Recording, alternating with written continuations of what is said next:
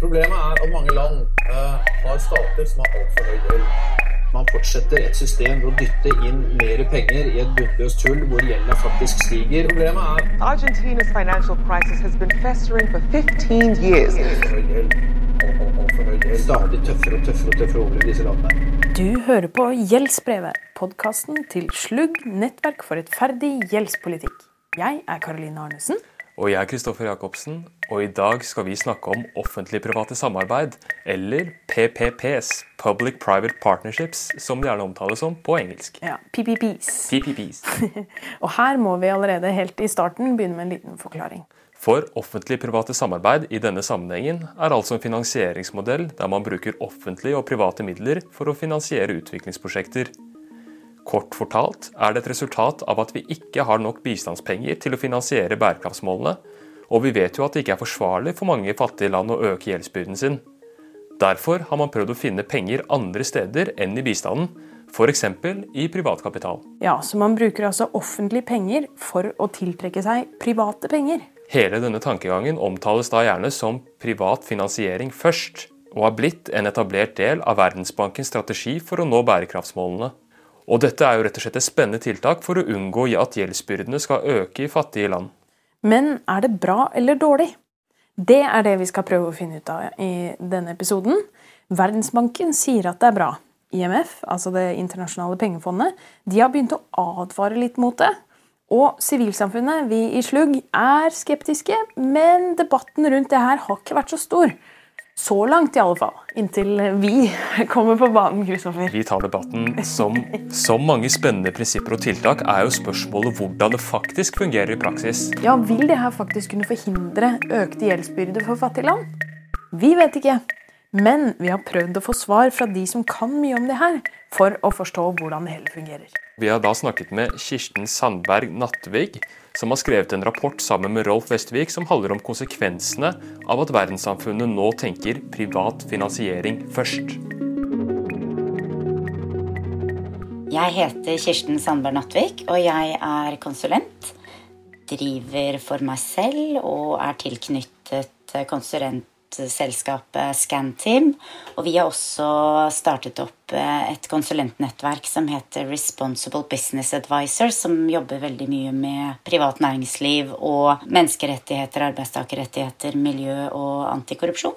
Ok, så vi tar det fra begynnelsen. Rett etter at bærekraftsmålene ble vedtatt, så satte man seg ned. Hvordan i all verden skal dette finansieres? Og så satt de rett og slett og regnet på det og fant ut at ok, så mye klarer vi å skrape sammen gjennom utviklingsbankene, gjennom all bistand og alle forskjellige kreditter og alt som gis.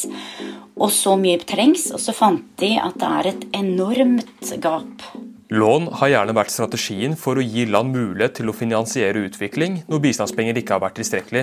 Men man erkjente at heller ikke lån er en bærekraftig løsning for mange av de fattigste landene. De landene som har størst behov for investeringer nå, de er så gjeldstynget at vi kan ikke fortsette med våre nåværende instrumenter, som er å gi soft loans, altså en slags subsidierte lån som Verdensbanken og de, alle de andre regionale utviklingsbankene gjør. Det går ikke. Verden blir ikke bedre av at de aller fattigste landene pådrar seg enda mer gjeld. Løsningen ble å se etter kapital som finnes, og som kanskje kunne vært investert på andre måter. Det er mye kapital som er såkalt idol. Den, den sitter der og brukes på en ikke-utviklende måte, ikke-skapende måte. Den er dytta inn her og der, men som kanskje ikke bidrar så veldig mye. Og i hvert fall ikke til å nå bærekraftsmålene. De fant ut at hvis man klarer å redusere det meste av risikoen for denne private kapitalen, så kunne man kanskje klare å tiltrekke seg denne kapitalen til å investere i bærekraftsmål i de landa som sliter med å tiltrekke seg privat kapital i dag. Og så har de laget en, en modell, en veldig, veldig enkel modell. Hvis det er mulig å finansiere noe med private midler før bistandsmidler, så gjør vi det. Hvis det hadde vært mulig å finansiere noe med private midler, men risikoen er for høy, er det da billigere for oss å gjøre noe med den risikoen enn å finansiere det med bistandsmidler? Hvis ja, så reduserer vi risikoen og bruker private midler. Og så sånn går de nedover på en skala hvor de inntil det å betale for å redusere risiko og lage investeringsmuligheter som er såpass gunstige at privat kapital tør å gå inn, inntil de to tingene på en måte krysser hverandre, så skal man bruke privat kapital. Med en gang det blir dyrere å legge til rette for privat kapital, så skal man ikke søke å bruke privat kapital. Med det finansieringsgapet som er, høres jo dette ut som en ganske fornuftig tankegang. Men Kirsten forklarer at selv om prinsippet er bra, er det grunn til å følge med på hvordan gjennomføringen av prinsippet faktisk er. Så når man nå snakker om dette med litt sånn nervøs undertone, så er det jo fordi man er engstelig for måten dette skal rulles ut på. Det kan bli helt fantastisk, og det kan bli ganske dårlig. Et bærende element i denne tankegangen handler om å tiltrekke seg private midler og minske risikoen ved investeringen slik at det skal være attraktivt nok å investere i utviklingsprosjekter.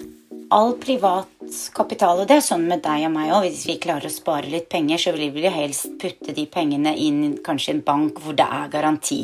Hvis vi skal gi bort verdiene våre til noen andre som sier de skal passe på dem, så vil vi at det skal være en garanti for at de faktisk passes på at de ikke blir rappa eller blir mistet underveis. Men hva og hvordan denne risikoen blir fordelt, er essensielt for å sikre at ikke land garanterer for ting som setter de i en situasjon hvor de ender opp med skjulte betalingsforpliktelser. Og det kan være garanti for ting som staten egentlig ikke kan garantere for. Sånn hvis det oppstår en krig, en naturkatastrofe At det kommer en ny regjering som endrer lover og regler, sånn at eh, betingelsene for, de, for denne investeringen blir annerledes. Dette er jo underlagt forhandling fra prosjekt til prosjekt. Som en hvilken som helst annen investering, hvor man går inn og lager kontrakt. Noe risiko skal en investor ta. Noe risiko skal også et land ta. Og så er det snakk om hva bør Verdensbanken og utviklingsbankene, og det er jo igjen oss rike land som eier disse og investerer i de bankene som må ta, da. Så det er den byrdefordelingen der man må jobbe litt med. Så får man ikke forhandle fram gode avtaler som fordeler risiko på en bærekraftig måte, kan vi rett og slett ende opp med at land som ikke har kapasitet til å ha mer gjeld, likevel ender opp med å ta for høy risiko og dermed betalingsforpliktelser som blir en ekstra gjeldsbyrde for landet det er også noen motsetningsforhold som jeg, da, som jobber for menneskerettigheter i private investeringer, er engstelig for. Som f.eks.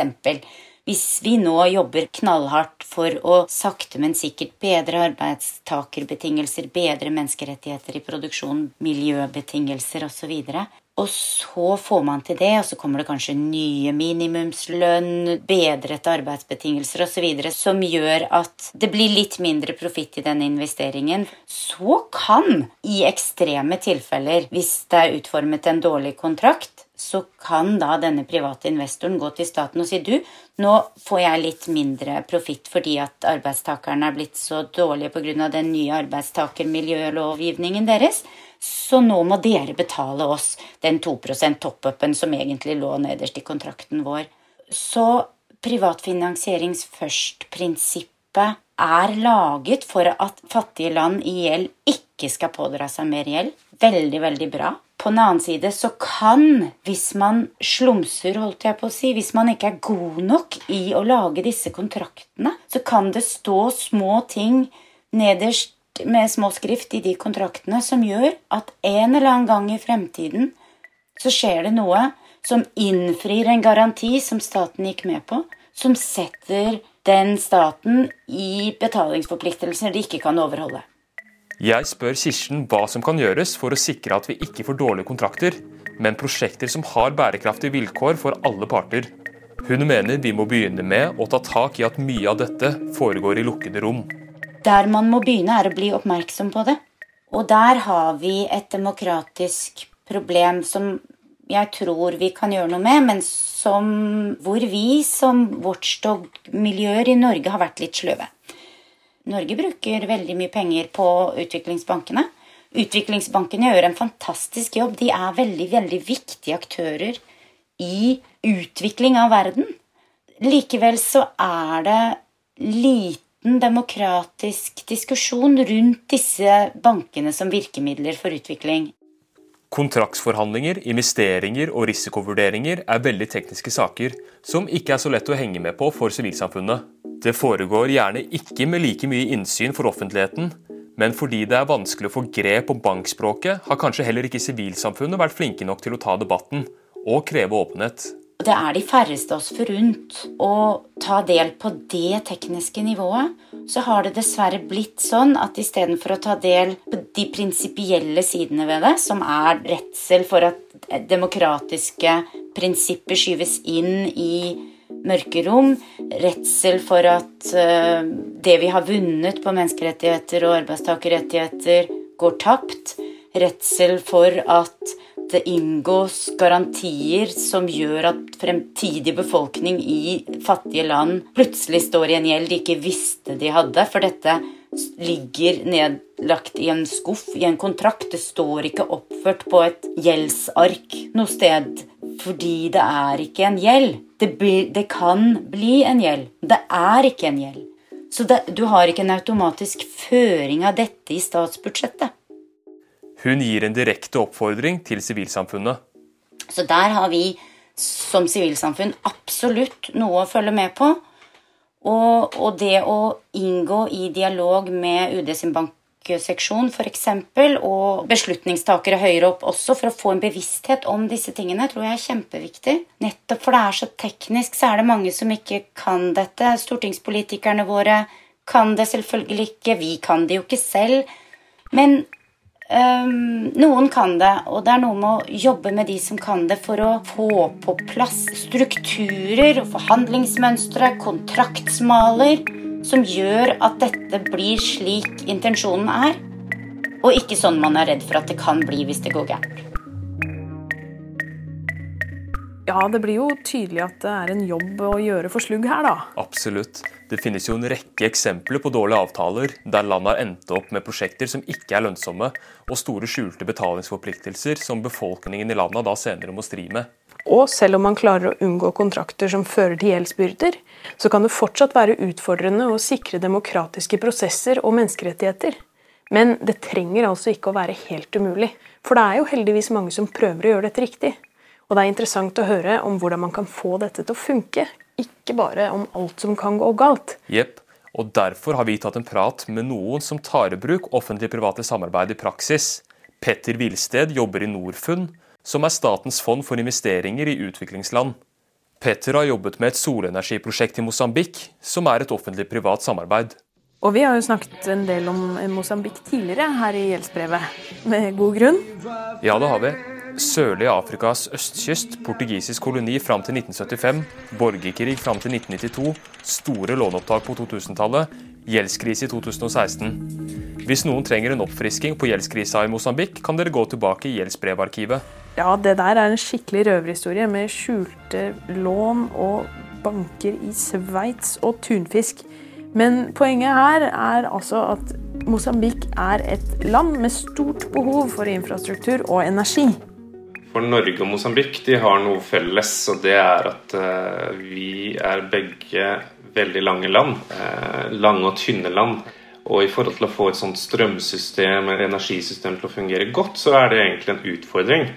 Men forskjellen er at mens vi i Norge produserer strøm over hele landet, så produseres strøm i Mosambik nesten bare i sør. Dermed er det mange som ikke har tilgang til elektrisitet. Og det oppstår store tap når strømmen skal fraktes. Omtrent en fjerdedel av all strømmen som produseres, forsvinner. Mokuba-prosjektet oppsto i en dialog mellom eh, energimyndighetene i, i eh, Mosambik og ambassaden i Mosambik, som spiller en veldig viktig rolle med å støtte myndighetene i Mosambik og Norfund. Et offentlig-privat samarbeid er sjelden et prosjekt med bare én offentlig og én privat aktør. Så, så, det har vært et lappeteppe av aktører som har samarbeida og, og tråkla sammen det tekniske underlagsmaterialet da, som man trenger for at alle aktører skal føle seg trygge på at dette er en god investering. Og så er det et konsortium av aktører som finansierer selve prosjektet. Vi har altså Norad. Inne veldig tidlig og ga tilskudd så man kunne gjøre sånn mulighetsstudie. Og Norfund. Som kunne gå inn og være med å forberede prosjektet med forskjellige andre typer studier. Og Norfund vi har tatt et, kanskje et særlig ansvar for mye av det finansielle. Da, og, og gå i dialog med långivere. IFC, som er en del av Verdensbanken. Verdensbankens privatarm er jo veldig viktig og har gitt eh, lån til prosjektet. Et par andre utviklingsfond. Emerging Africa Infrastructure Fund og en ordning som heter PIDGE, Private Infrastructure Development Group. Den norske ambassaden i Mosambik. I forhandlingene og støtte av det strømselskapet i Mosambik, EDM, så de kan ha kvalifiserte aktører til å representere dem. Og ikke minst selskapet Scatec Solar. Et norsk selskap som er blant de flinkeste i verden på, på virkelig i solkraftsegmentet, og som har vært veldig flinke i nabolandet til Mosambik i Sør-Afrika. Og det statlige strømselskapet i Mosambik, EDM. Sånn at eh, det mosambikanske strømselskapet også kunne komme inn i den sektoren og lære. Så hva ble Mosambik sitt ansvar i dette tilfellet? Og også på, på Mocuba-prosjektet så ligger det noen forpliktelser der. Eh, det er en form for statsgaranti knytta til den som hoveddokumentet som kalles Concession Agreement. Petter forklarer at hvis EDM bryter kraftkjøpsavtalen over tid, slik at Scatec og Norfund må si opp hele avtalen, vil det i første omgang bli forhandlinger for å finne en løsning. Men hvis man ikke kommer videre i disse forhandlingene, så er det Finansdepartementet i Mosambik som må kjøpe opp prosjektet fra de internasjonale aktørene. Akkurat Mokuba-prosjektet er ikke en, en uoverstigelig eh, forpliktelse i seg selv. Det er 40 megawatt, det er ikke et veldig stort prosjekt, og det er et veldig veldig viktig prosjekt for Mosambik, som Mosambik selv har eh, sterkt ønska seg av hensyn til sitt eget energisystem. Petter påpeker også at selskapene tar en stor risiko ved slike prosjekter. Det er ikke ikke risikofritt eh, for investorene at det finnes sånne garantier. og Kommer du til det punktet, så har du tapt ganske mye av pengene uansett. Eh, hvis man, hvis man ender opp der. Så jeg ser det mer som noen ganger en nødvendig ting for at disse prosjektene skal bli realisert i det hele tatt. Og selv om landene der prosjektene iverksettes må ta sin del av risikoen, er Petter enig i at det er viktig at landene ikke ender med større betalingsforpliktelser enn det de kan betjene. Men jeg syns det, det Slug fokuserer på, også er viktig å være bevisst på. Eh, hvor stor blir summen av forpliktelser som disse statene eh, påtar seg? Da? Og hva gjør det med handlingsrommet eh, til politikere i disse landene? Og Det er altså en veldig viktig dimensjon å ha med seg. Som vi har snakket om i tidligere episoder, er Mosambik et land som ikke har den beste historien når det kommer til åpenhet rundt statlige lån. Jeg syns det er viktig at eh, det er ryddighet rundt hvordan disse tingene framgår i budsjettforpliktelser. og eh, det er jo også et statlig ansvar her. da, og Mosambik er jo et eksempel på et land som havna virkelig i fryseboksen i verdensbanksystemet fordi de ikke hadde opptrådt eh, rettskaffent rundt på en måte i rapportering av sin egen statsgjeld, og hadde mange skjulte eh, avtaler og, og forpliktelser som, som, ikke framgikk, da, eh, som, som, var på en måte feilført. Og, og, så det Dette påvirket også Mokuba-prosjektet. Sånt er alvorlig, og det, det forsinka også vårt Mokuo-prosjekt. Eh, vårt solkraftprosjekt ble kraftig forsinka som en følge av det, fordi IFC ville ikke frigi lån. Fordi Mosambik måtte forstå at sånn type oppførsel ikke, er ikke greit. Eh, man må være ryddig i hvordan eh, forpliktelsene på en måte mm, budsjettføres. Men Petter understreker at vi skal være forsiktige med å undervurdere forhandlingspartnerne som representerer statene jeg føler at de er ganske ansvarlige og edruelige i forhold til hva de er villige til å gi av disse tingene. De, de gjør, det de kan for også å bygge uh, Ta hensyn til sitt eget lands behov. Han forteller også at det er viktige elementer utover de finansielle garantiene som skal på plass for at et sånt prosjekt er vellykka. I mange offentlig-private samarbeid har ikke prosessene for å ivareta folks rettigheter vært gode nok. Så offentlig-private samarbeid får mye kritikk fra sivilsamfunnet for å gå på bekostning av menneskerettigheter. Petter mener likevel at til dette prosjektet har IFC, altså Verdensbankens institusjon som jobber med privat næringsliv, sine standarder for menneskerettigheter vært nyttige for å kartlegge potensielle utfordringer. Så Jeg, jeg syns at det har blitt skapt en veldig rar sånn uh, sannhet uh, i sivilsamfunnet at IFC-standardene er svake på menneskerettigheter og sånn. Uh, det er ikke jeg enig i. Det har bygd inn seg de viktige menneskerettigheter på, på arbeidstakerrettigheter, på rett til konsultasjon, på, på, eiendom og det hvis du har hevd på jord, hvordan skal du, dine rettigheter da sikres? Eh, natur kan spille sånn økosystemtjenester. I studiene som ble gjort i forkant av prosjektet, kom det fram at det var en rekke hensyn som måtte tas hvis dette skulle kunne gjennomføres. Men så viser jo de studiene der, i tilfellet med Mokuba, at det er over 225 personer som, som mister dyrk, jorda de lever av å dyrke, på en måte. Og det, Da går dette fra å være et ganske lavrisikoprosjekt til å bli et høyrisikoprosjekt, for det må håndteres. Og hvis, når det er 225 landeiere på en måte som berøres, så er det ofte seks personer i hver familie. Det betyr at 1200-1300 mennesker kan på en måte miste eh, livsgrunnlaget sitt. Selv om prosjektet har nasjonal verdi, skal ikke det gå på bekostning av de lokale forholdene. Det er et eksempel på offentlig-privat samarbeid som har gitt et godt resultat for Mosambik også, det vil jeg påstå. Og for de menneskene, enkeltmenneskene som kunne blitt veldig negativt berørt. Vi har hele tiden hatt harmoniske, gode relasjoner, selv om de har egentlig opplevd noe dramatisk inngrep i sine liv. Og det er jeg personlig stolt over, at eh, ikke de har blitt skadelidende av eh, storsamfunnets behov. Så dette prosjektet kan gi håp om at det kanskje er mulig å rulle ut offentlig-private samarbeid på en måte som fungerer, da, eller? Ja, jeg vil ikke gjøre meg selv til en talsmann for at denne modellen skal fungere utmerket på alle områder som bistanden normalt eh, prøver å omfatte. Men vi ser jo at um, i Norfund vi jobber via selskaper. Og i energisektoren så, så, tror vi det er bra, fordi at det, det, handler ikke bare om finansiering, og det handler også om at selskaper som spesialiserer seg, blir ganske flinke på ting. Så, så, jeg tror at um, Mokuba-prosjektet og det at Scatec Solar har engasjert seg så dypt i Mosambik, har en større verdi, vil jeg påstå, enn om du bare hadde hatt gitt pengene til mosambikanske egne myndigheter for å bygge det som et offentlig, offentlig, prosjekt. Vi ser at det er en god og kraftfull modell, men det er ikke en modell som kan um, fungere alltid. Mokuba-prosjektet gir håp om at dette kan fungere, men det viser også hvor sammensatt et slikt prosjekt er. Og da kan man også forstå at det er ganske mange fallgruver. Demokrati, menneskerettigheter, arbeiderrettigheter og altså det Slug er aller mest opptatt av gjeldsbyrder. Og For Slug så er det naturlig å starte med å fremme løsninger som sikrer at prosjektene følger en så god prosess som mulig for å unngå uhåndterbare gjeldsbyrder. Og da er det jo Slugg vi må snakke med. Ja, det er det jo selvfølgelig. Og vi tok en prat med Thea Sofie Rusten Grastveit, som er politisk rådgiver i Slugg.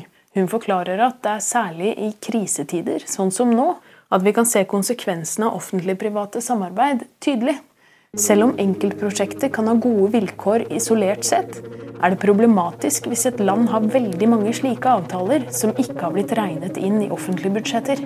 Og dette kan ofte skje eh, når det f.eks. oppstår en finanskrise, eller sånn som nå med koronakrisen, at eh, det skjer en eller krise som gjør at eh, mange private selskaper går konkurs samtidig. Og da kan de betalingsforpliktelsene som staten har, eh, eh, akkumuleres relativt raskt. At ganske mye gjeld som finnes rundt omkring der ute i offentlig-private samarbeid, som ikke fremkommer på budsjettene, kan plutselig dukke opp eh, og bli til statlig gjeld gjennom eh, denne garantien.